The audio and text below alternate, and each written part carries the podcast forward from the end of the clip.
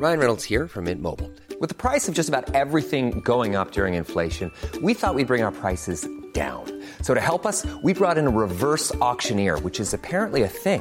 Mint Mobile unlimited premium wireless. Ready to get 30, 30, bit to get 30, bit to get 20, 20, 20, bit to get 20, 20, bit to get 15, 15, 15, 15 just 15 bucks a month. So, Give it a try at mintmobile.com slash switch. $45 upfront for three months plus taxes and fees. Promo for new customers for limited time. Unlimited more than 40 gigabytes per month. Slows. Full terms at mintmobile.com. There's never been a faster or easier way to start your weight loss journey than with PlushCare. PlushCare accepts most insurance plans and gives you online access to board-certified physicians who can prescribe FDA-approved weight loss medications like Wigovi and Zepbound for those who qualify. Take charge of your health and speak with a board-certified physician about a weight loss plan that's right for you. Get started today at plushcare.com slash weight loss. That's plushcare.com slash weight loss. plushcare.com slash weight loss.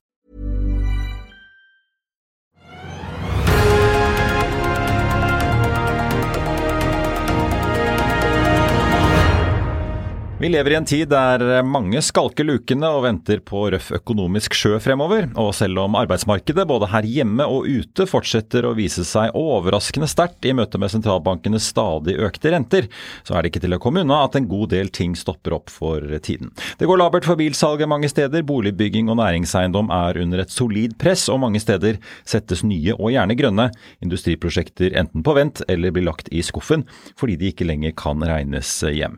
Hvis vi kan kalle det vi opplever nå en slags hestekur mot inflasjon etter pandemien, så dukker jo også spørsmålet opp. Hva har dette å si for utviklingen av nytt næringsliv og den grønne omstillingen? Blir alt satt noen skritt tilbake nå, og hva slags konsekvenser får det?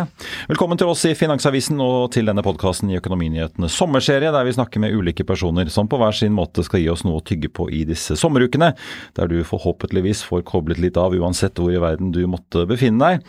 Og i denne episoden så skal vi snakke med en som kan mye om hva som rører seg ute i norsk næringsliv når det gjelder gründere, nyetableringer og ikke minst eksport. Og som kanskje vet om vi står ved det han i hvert fall selv har kalt et eh, vippepunkt.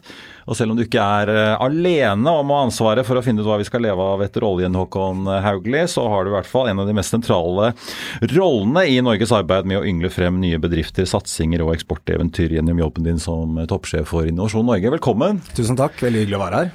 Du, 15. mai så holdt du den årlige innovasjonstalen. Amerikanerne hadde vel kalt det The State of the Union eh, på godt norsk. Eh, men hvordan er egentlig da State of the Union i din eh, del av verden? Du virket litt bekymret for de unges vilje til å etablere nye ny bedrift, i hvert fall? Ja, det er, det er, du gir en veldig god, godt oppspill i introduksjonen din. Altså, veldig mye går jo veldig bra. Altså, norsk næringsliv går godt i mange sektorer, og vi setter f.eks. stadig nye eksportrekorder. Men vi er, er, urolige nå fordi det er mange, stor usikkerhet. Det fanger vi opp fra bedrifter i hele landet, og ikke minst er vi kanskje særlig bekymret for eh, entreprenørskap. Vi ser både redusert eh, etterspørsel etter de tjenestene vi tilbyr, men også f.eks. at det er færre søknader om patentering, merkevarebeskyttelse i Patentstyret, og at unge mennesker uttrykker i spørreundersøkelser at de er mindre tilbøyelige til å starte egen bedrift enn før. Men tror du det er ja. At makroøkonomien er litt usikker og folk søker trygghet, eller har vi liksom som nasjon begynt å tenke at det er faktisk greit å ja, kunne jobbe i en stor bedrift hvor det å kunne ta mammaperm eller pappaperm eller bli syk ikke er så farlig fordi at du har et sikkerhetsnett som du kanskje ikke har på samme måte hvis du driver egen butikk? Ja, det er nok litt, jeg tror veldig sammensatt. Vi vet jo det ærlige svaret at vi vet jo ikke helt hvorfor det er sånn, men vi, det vi ser er at øh, i perioder hvor det er større usikkerhet, så øker ofte eh, entreprenørskapsaktiviteten, altså finanskrisen, koronaperioden osv., så, videre, så er det flere som hiver seg ut. og Det tror jeg er litt fordi da er tilknytning til arbeidslivet oppleves som litt løsere, og mange som har da gått med en uh, idé i magen, uh, realiserer den. Uh, og samtidig så er det sånn når det går veldig veldig godt i, og særlig type tunge ingeniørfag og sånn, så trekkes jo kompetansen dit. Så del, pilene går litt begge veier samtidig. Da vil alle jobbe i Equinor og tjene en ja, million eller to som godt betalt ingeniør? Vi skal komme inn på renter inflasjon og alt annet elendighet eh, som skaper trøbbel for mange om dagen, men jeg tenkte å høre med deg først om det er noen steder, liksom områder eller bransjer der det går eh, skikkelig bra. Vi har jo i hvert fall det jeg litt tabloid kan kalle en skakkjørt krone, som jo gjør det grådig billig for utlendinger å komme hit om dagen. Ja, og dette er en av driverne for disse eksportrekordene som settes. Det er klart Olje og gass, og særlig gass, det er, går jo veldig veldig godt nå. Eh, det samme gjelder jo oppdrettsnæringen. Vi eh, setter stadig nye rekorder også der, og det er hovedsakelig drevet av pris, altså hvor valutaen har betydning. Og prosessindustrien går godt. Så i tillegg til det så kanskje også kaste på at det er, Norge er jo også blitt billigere for besøkende fra utlandet, så reiselivet har i hvert fall utsikter til å ha en god sesong. Uh, og vi ser også at det er en del teknologiområder hvor Norge gjør det bra fordi den internasjonale etterspørselen typisk etter grønn teknologi den øker. Mange land gjør nå store investeringer, og norsk næringsliv er godt posisjonert for det. Så ja, det er veldig veldig mye som går godt da, og det er viktig å ha med her. Men stor usikkerhet.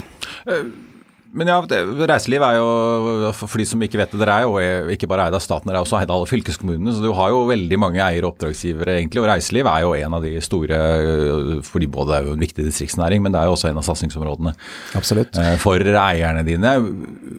Ser dere noe liksom varig løft, eller at dette faktisk gir ordentlig utslag? Eller blir det en liksom kortvarig blipp, til at eh, kronen er så svak mot euro og dollar? og Altså Norge er jo et veldig attraktivt land å besøke, og jeg tror det er en, en god del ting som nå trekker i retning av at vi kommer til å fremover ha, um, ha økt, økt um, uh, altså flere besøkende. Og e, en av dem er faktisk noe, sånt, noe, som virkelig er et tankekors, da Norge er kaldt og har uh, nedbør. Og i et Europa hvor det er både tørkeperioder og veldig veldig varmt, så er det attraktivt. Og Det betyr at reiselivsnæringen i mange deler av landet utvikler litt andre tilbud enn det man har hatt uh, historisk. Og turistene som kommer, de er opptatt av andre ting enn det vi nordmenn er opptatt av. Og så til dette med Innovasjon Norges mange roller. Det er veldig interessant du nevner det med reiseliv. Vi er jo, altså, eh, vi jobber jo mye med gründere, og, og, som du allerede har nevnt, og er jo en bank. Vi er en stor næringslivsbank med sånn ca. 20 milliarder i samlede utlån per i dag. Eh, og vi har en viktig rolle opp mot EU og Norges deltakelse i ulike EU-programmer, og gjøre de kjent for eh, norsk næringsliv. Og i tillegg så har vi da både et reiselivsoppdrag og et stort landbruksoppdrag. Og det som nå, den perioden vi nå er inne i, så ser vi jo at mye av det som handler om energi og mat, det er enda vel, mye viktigere enn det har vært, uh, vært før. Drevet fram av uh, krigen i Ukraina. Så matoppdraget vårt uh, opplever jeg som, som, enormt viktig. Både det vi gjør i Norge, men ikke minst å få bidra med teknologi, da, både til oppdrett og, og landbruk ute i verden. Og selvfølgelig Norge som kjempestor energinasjon har jo enorme muligheter nå. Gitt det litt dystre bakteppet med invasjonen av Ukraina, så går jo som du er inne på, både forsvarsindustrien, som vi jo har en stor del av her hjemme, går så det griner. Oljeindustrien går så det griner med gode priser. Ja. Men det at ja, før sommeren så godkjente jo regjeringen uh, oljeskattepakkeprosjekter uh, to, med investeringer på over 200 milliarder.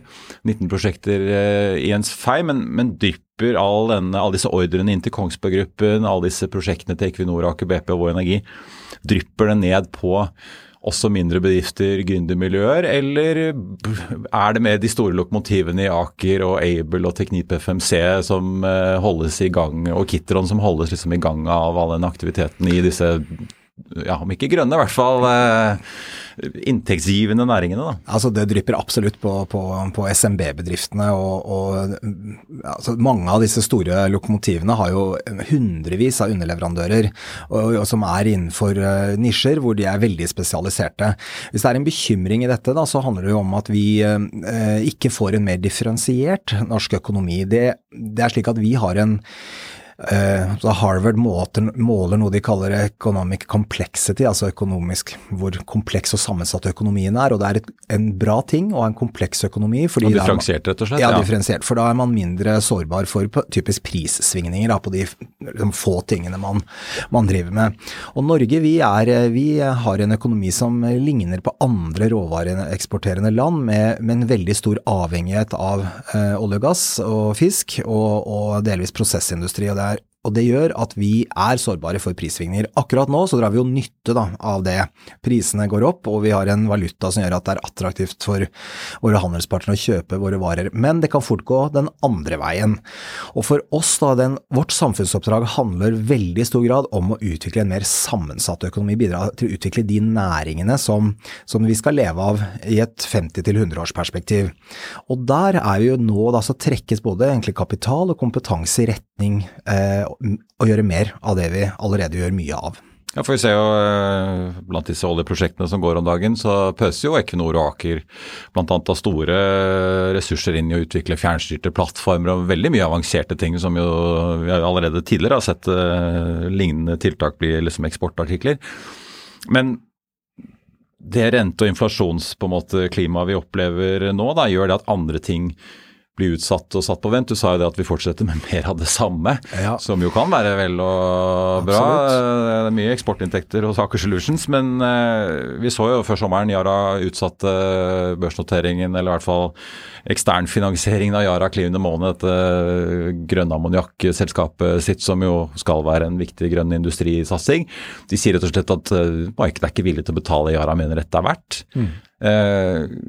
Men er det et tegn på at en del andre ting nå blir satt på vent? Um, ja, det tror jeg, men dette er ikke veldig godt underbygd. Vi, vi, har noe vi kaller lyttepost, da vi snakker med bedrifter i hele landet for å forstå utviklingstrekk før de begynner å synes i statistikker. Og det vi får tilbakemeldinger om er nå en, eh, en redusert eh, investeringsvilje, skråstrek evne, særlig fra et slags mellomsegment av bedrifter, det vi kan kalle skaleringsbedrifter, altså som har forutsetninger for vekst, men som, uh, som, nå investerer mindre enn de hadde planlagt. I tillegg oppgir de samme bedriftene tilgang på kompetanse som et veldig viktig hinder for vekst. og Da er vi til veksten i andre deler av næringslivet, da, som gjør at den kompetansen som trengs, den er ikke så lett tilgjengelig.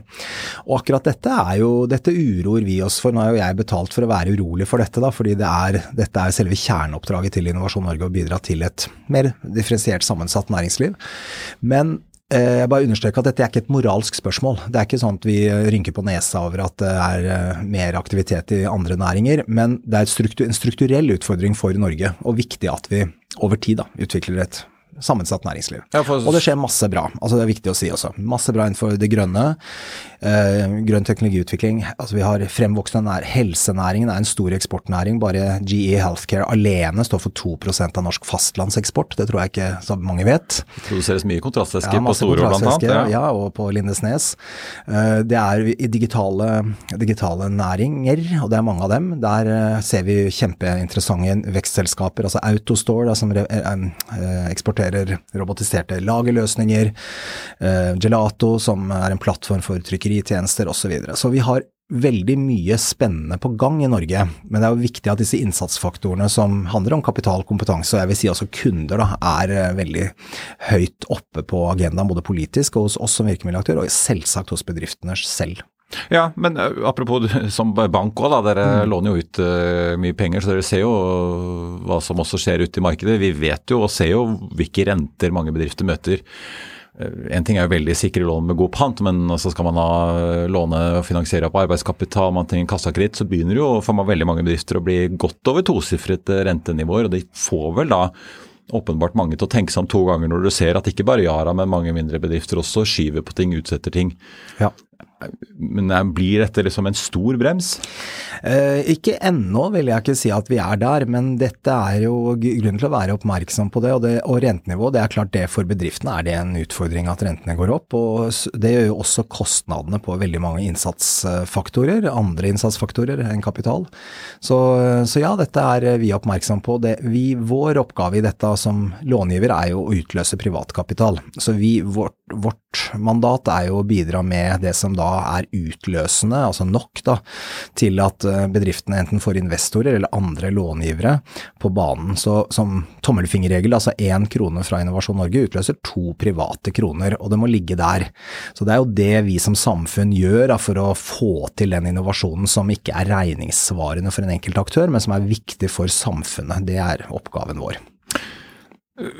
Ofte brukes jo begrepet risikoavlastning, enten det er dere eller andre offentlige ordninger som uh, trår til og forhåpentligvis da også utløser litt uh, privat uh, kapital. dere har jo nå vært gjennom en slags avrustning, er kanskje ikke det riktige ordet, men dere fikk veldig mye ekstra penger å dele ut under korona. Ja. dere var jo oppe i vel 12,5 milliarder på det meste i 2020. Ja. I fjor delte dere ut i lån og tilskudd av 7,1 milliarder, så jeg i årsrapporten. Ja. Eh, så har vi da på den ene siden renter og inflasjon, men vi har jo også et norsk statsbudsjett som ikke bare for i år, men ikke minst årene fremover vil bli strammere og strammere. Det blir mindre, i hvert fall blir vi fortalt av ekspertene, mindre og mindre oljepenger inn som eh, gir mye handlingsrom. Om inflasjon så har, kan vi jo ikke bare, eller kan ikke politikerne bare kaste på mer penger som de har kunnet gjøre tidligere under oljebremser og annet for å holde hjulene i gang. Forbereder dere dere på at uh, her kommer søkelyset også på dere som alle andre utgiftsposter, og at dere kanskje ikke får 7,1 milliarder å dele ut uh, om fem år? Dere får kanskje bare fem? Absolutt, ja, og der er vi på en måte allerede, vil jeg si. Altså, vi opplever eh, både noen økninger, men også reduksjoner i våre rammer. Uh, og som du er inne på, altså 2022 var et, et normalår for oss, da, på linje med de årene før koronapandemien, altså 2019 og bakover. Så var det to helt spesielle år eh, med korona hvor vi hadde oppdrag som ligger, eh, lå på toppen av det vi normalt gjør. Det, og der, dette er jo litt til det offentliges eh, rolle da, i, i, kriser, er jo også å kunne eh, bidra med si, motkonjunkturtiltak, da, hvor vi er ett av mange verktøy for det. Men til vår egen, eh, våre egne rammer og vår egen drift, så er det slik at vi har gjennomført et betydelig kostnadsreduksjonsprogram i Innovasjon Norge nå i det året vi er inne i. kuttet 100 millioner i våre gjennomføringskostnader. Det er rundt 75 årsverk. Og, eh, og vi er jo på kontinuerlig opptatt av å levere mest mulig for Eh, på mest mulig effektiv måte. Bruke digitale verktøy, gjøre møte med virkemiddelapparatet enklest mulig for bedriftene. Der har vi en lang vei å gå, men er godt i gang.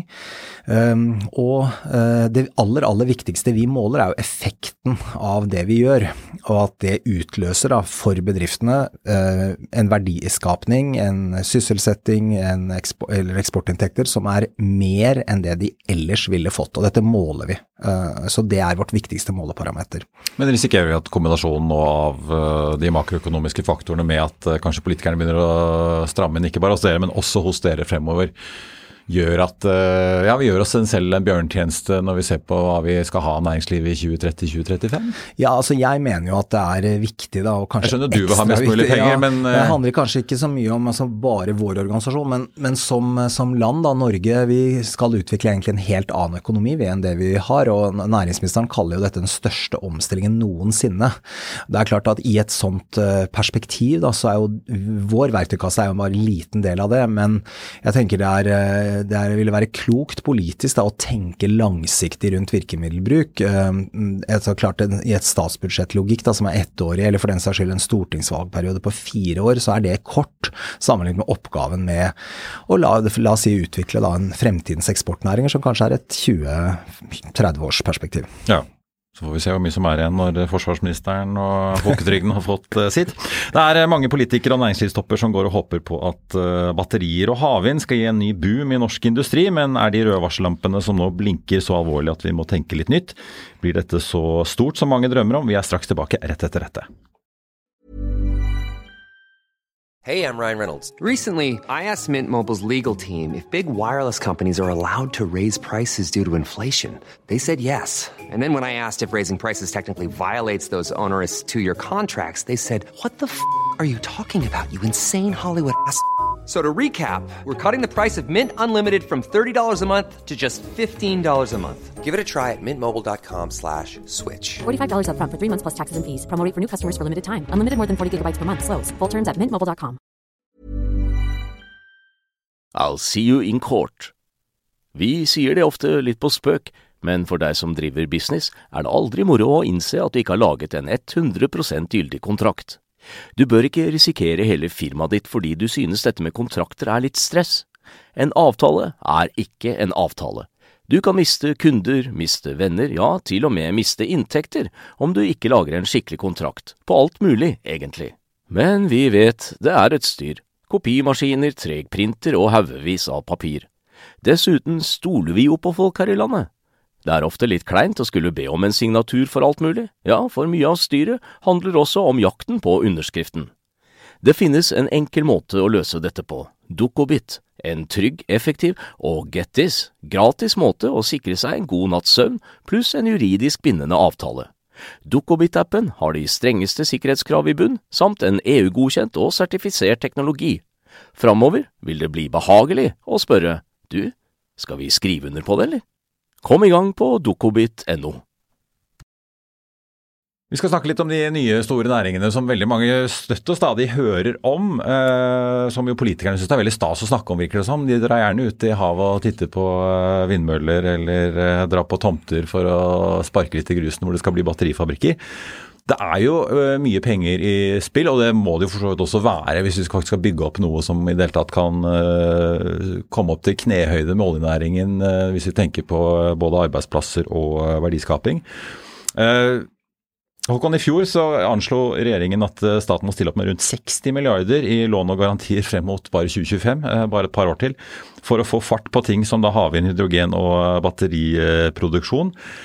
Uh, en av satsingsområdene deres er jo havvind. Mm. Er, det, er, dette på en måte blitt så sexy og kult at, for politikerne at de liksom uh, glemmer næringsnøytralitet, og at det kanskje er ting vi ikke helt vet om som uh, også kan bli stort? Ja, ja det er altså krevende spørsmål for meg å svare på. Ja, I hvert fall er det slik at um, jeg tror når det gjelder det grønne, da, grønn næringsutvikling, så er, ikke, er man ikke lenger næringsnøytrale. Altså helt der gis det er helt spesifikke ambisjoner innenfor uh, en del områder. Regjeringen har lagt fram et uh, industrielt veikart f.eks. som peker på noen områder hvor Norge har spesielt gode forutsetninger. Det som er viktig å ha med her, er at de samme områdene, der ser jo vi etter etterspørsel internasjonalt. Så man kan godt si det er markedsdrevet, da, i den forstand at her skjer det nå veldig mye som, som Norge kan være med på. Og ta havvind som eksempel, så er det jo eh, snakkes det jo mye om utbygginger i Norge, og med god grunn, men vi har allerede en, en stor havvind- eller offshore vindnæring i Norge. Det er bare at den leverer til utbyggingsprosjekter i andre deler av verden. Og der er norsk næringsliv inne med offshorekompetanse, som i all hovedsak kommer fra olje- og gassnæringen, og vi er utviklet der. Så når Skottland og for den saks skyld Japan, Korea, eh, Nord-Amerika utvikler eh, sine havvindløsninger, så er det jo en viktig oppgave for oss da, å sørge for at norsk næringsliv er synlig og har en mulighet til å være med der. Og det er det oppdraget vi har på, på havvind.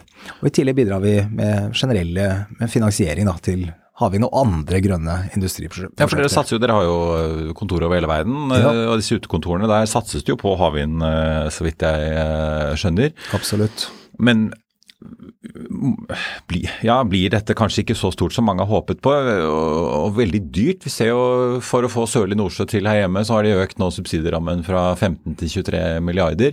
Vi ser apropos utenlandske aktører, Ørsted mm. som bygger ut, har skrevet, tatt store tap i USA. Vestas og Siemens Gamesa som produserer disse vindmøllene, rapporterer jo og tar store nedskrivninger og sliter økonomisk. De tjener jo ikke penger kan dette på en måte ikke bli så stort som det vi håper på, selv om vi kanskje i utgangspunktet kunne vært gode på det, men at det rett og slett ikke lønner seg sånn at vi kan leve av det? Ja, altså Det som skjer i Norge er litt, litt utenfor det vi da, i Innovasjon Norge driver med. Men, men, eh, ja, det er jo stor usikkerhet knyttet til mye av dette. Både usikkerhet knyttet til eh, prisen på en del innsatsfaktorer. Altså Det krever f.eks. enormt mye stål, det krever enormt store havneanlegg for å få disse vindmøllene ut på, på havet. Eh, og det krever et godt samspill mellom næringsliv og offentlig sektor. Det vi registrerer er jo veldig veldig stor vilje da, til å få dette til. og Det gjelder ikke bare i, i Norge, men også i hele Europa og i, eh, som jeg nevnte, både Nord-Amerika og Asia. Så at vi kommer til å, at havvind eller offshore vind kommer til å bli viktig framover, det er jeg 100% sikker på. Det jeg ikke er 100% sikker på, er hvor stor markedsandel norske aktører vil ha i det. Og det blir en viktig oppgave å sørge for å gjøre alt vi kan da, for at Norge er med. Men påtar disse norske bedriftene som dere prøver å hjelpe seg risiko de kanskje ikke er uh, klar over når man ser amerikanerne bruker jo Inflation Reduction Act for alt det har vært og vil bygge opp mm. egen industri. Så ser vi jo eh, Jeg så jo Jill Stixon som leder Wind Europe, denne interesseorganisasjonen, eh, stå på LinkedIn eh, her om dagen på en Siemens Gamesa-fabrikk og rope ut om at kinesiske vindmølleprodusenter tuter inn i Europa. For det er ikke noe særlig krav om europeiske, europeiske leverandører i europeiske lisensrunder. Risikerer vi å stå igjen litt med skjegg i postkassa, fordi at eh, det blir kinesiske og amerikanske aktører som til slutt uh, vinner her? Altså jeg, jeg, er optimist her, må jeg si. da. Jeg tror at vi i Norge har både konkurransedyktighet på pris og kvalitet, og har vist at vi kan levere. Men ja, det er jo ingenting som er en selvfølge, og det er og bare en viktig erkjennelse da, at vi er i tøff konkurranse og dette ikke skjer av seg selv. Så, så, så men, men jeg, jeg, tror jo, jeg syns vi ser veldig mye bra allerede. Vi har veldig sterke næringsklynger innenfor havvind, og vi har mange bedrifter som leverer allerede, da, som internasjonalt. Så, så her tror jeg vi, vi, skal få til noe, men om det går så fort som man ser for seg, og, og igjen da, hvilken på en måte, andel av det globale havvindmarkedet Norge får, det mener jeg det er høyst usikkert. Og Litt lignende er det jo faktisk på batterier, da, som du også nevner. Der òg er det jo Klart Det som har vært Norges viktigste konkurransefortrinn, er en eh, lav strømpris, og at strømmen er grønn.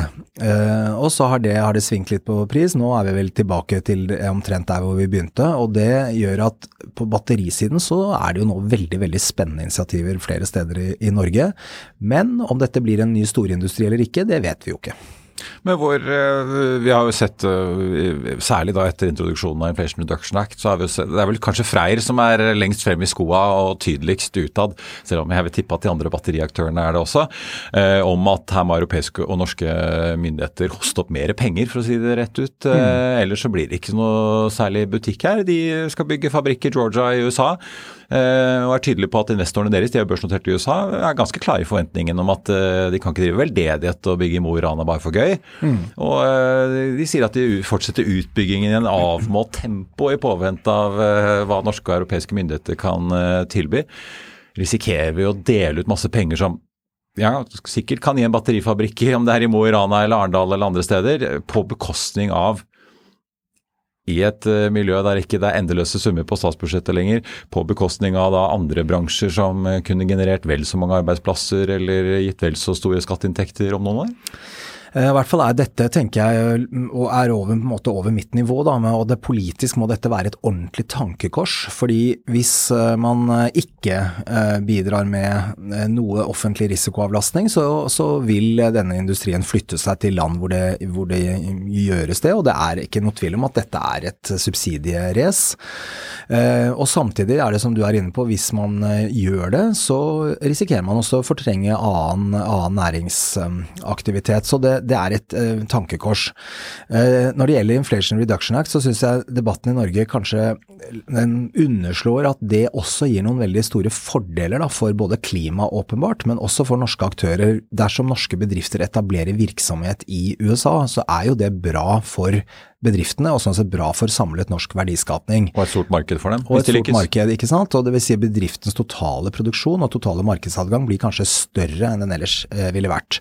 Ut fra lokalisering i Norge og eh, arbeidsplasser og kompetansemiljøer i Norge er det en utfordring. Og det er her jeg tenker eh, Her har jo EU da myket opp noe på statsstøtteregelverket, og det blir jo spennende å se hva det norske svaret på dette blir, da. Og så tror jeg også når det gjelder da offentlig støtte til næringsvirksomhet totalt sett så, så er nok Europa eh, kanskje ikke så ulikt, altså totalsummene er kanskje ikke så ulike i Europa og USA, men det er bare innrettet på en annen måte. Og det er viktig å ha med også disse eh, tax credits, eller eh, skattefradragene som amerikanere tilbyr, er jo noe vi normalt ikke gjør i Europa. På den annen side bidrar europeiske land med mye midler til forskning og innovasjon og utvikling, og f.eks. SkatteFUNN da, som vi har i Norge. Så kanskje er det mindre ulikt enn det kan synes ved første øyekast. Men er det noe dere går og diskuterer og tenker på internt? Jeg skjønner åpenbart det er et politisk aspekt som er vanskelig for deg å, å kommentere som leder av en underliggende etat, sånn sett. men hvis vi ser på hva som skjedde med solindustrien, så skulle jo det bli kjempestort. Mange i Norge satset på det, mange i Tyskland satset på det. Så kom kineserne inn, subsidierte masse. Utraderte omtrent eh, den europeiske industrien som produserte paneler. Til gjengjeld så har jo vi alle som samfunn fått nå tilgang på veldig billige paneler. sånn at i ettertid så har jo vi sånn sett fått et uh, gode. Men de som kastet masse penger etter disse europeiske bedriftene i sin tid, og så plutselig ble ikke rundlurt, men uh, i hvert fall uh, tatt innesvingen på kineserne, de satt jo litt igjen med skjegget i postkassen, sett i ettertid. Er det Ja, er det, det det er- vi risikerer å gjøre nå, hvis vi konkurrerer med amerikanerne og kineserne om å bli best på batteri? Altså Til historiefortellingen da, så tenker jeg at det som både det offentlige og private investorer gjorde på sol i Norge, da, det, er, det høster vi faktisk eh, av nå. eh, fordi Norge er en stor eh, nasjon innenfor solenergi, men utenfor Norges grenser. Men vi har store eksportbedrifter som Scatec da, som, som er der. Og i tillegg Som har kommet ut av det Ja, som har kommet ut av det. miljøet, Også, ja. ikke sant? Også hele økosystemet rundt sol i Norge er faktisk ganske bra. Da, vi, vi, eh, så, dette er, så ja, det har for enkelte investorer, og, og, og sikkert også for det offentlige før eh, i sin tid, da, så, så ja, det, man ble påført noen tap, men man har også bidratt til teknologiutvikling og næringsutvikling som har hatt langsiktig betydning. Så det er viktig å ha med da, i en sånn diskusjon. Men ja, dette er jo her krevende. Det, du spør om vi er opptatt av dette. Jeg kan si dette er, det, er vi veldig, veldig opptatt av, og vi gir veldig konkrete råd til våre oppdragsgivere. om vi Å finne balansen, på en måte, ja. Nettopp om hva de bør gjøre. Og, eh, og jeg kan ikke gå det veldig detaljert inn i det, men det handler jo om å finne en god balanse mellom støtte og, og annen, andre virkemidler. Til slutt, eh, Håkon. eh, Gitt at politikerne er veldig gode både i opposisjon og posisjon og snakke om hva de syns er gøy av ny eh, industri og ny næring. Ja. Er det noe vi glemmer? Utover laks, havvind, batteri? Ja, er det noen jeg- som liksom går litt under radaren, hvor det egentlig skjer ganske mye spennende som dere ser? Jo, dette burde faktisk politikere og folk være litt mer oppmerksomme på. Kanskje ikke næringsmessig så mye, men i hvert fall én ting jeg tenker burde sies mye, mye oftere, da, det er at alt har startet i det små. Og, og entreprenørskap syns jeg får veldig lite oppmerksomhet i den uh, politiske debatten. Så det er mitt ønske da politikere og alle partier er mer opptatt av det. Altså selv våre aller, aller største industrilokomotiver har hatt en gründer på et eller annet tidspunkt. Altså Sam Eide, da, som har, var gründer både for det som nå i dag er Elkem, Yara og Hydro, bare for å ta ett veldig profilert eksempel. Og sånn er det også i dag, og mange av de bedriftene som vil være store om eh, 20, 50 og 100 år, de etableres nå. Så det å ha en god eh, og helhetlig eh, gründerpolitikk, det eh, tenker jeg er superviktig, og særlig viktig for Norge. For i motsetning til andre land skal vi ikke bare erstatte det næringslivet som går over ende normalt, men vi skal også utvikle et helt nytt næringsliv til erstatning for våre absolutt største eksportlokomotiver i dag. Så vi har en stor jobb foran oss. Dette må stå høyt på den politiske dagsordenen framover. Så det syns jeg glemmes litt, ja. Og det åpner, ja da tar vi med oss den, og det åpner seg altså kanskje noen muligheter når eh, både Washington og Brussel skal flytte både chipproduksjon og batteriproduksjon hjem fra Kina rent sånn sikkerhetspolitisk, at man kanskje kan eh, begynne å leve av det her fremover òg. Ja, absolutt. Jeg må minne oss om at Norge har jo et helt fantastisk utgangspunkt med sterke teknologimiljøer i hele landet, enorme naturressurser og i en historisk erfaring hvor vi har vist evne da, til å gripe noen muligheter, alt fra vannkraft til olje og gass, med rask mobilisering, godt samarbeid, eh, alt fra de ti oljebud til mobilisering i universitets- og høyskolesystemet. Dette kan vi gjøre igjen, så jeg er jo grunnleggende optimist, men ja, det er noen grå skyer som vi er nødt til å forholde oss til akkurat nå, men dette kommer til å gå bra. Vi skal følge med, og så får vi vel være enige om det, Håkon, at vi håper det er en eh, si, dagens Sam Eide et eller annet sted der ute i eh, nasjonen som eh, kan utvikle det som da i dag er tre store industrikonserner. Det må vi håpe på.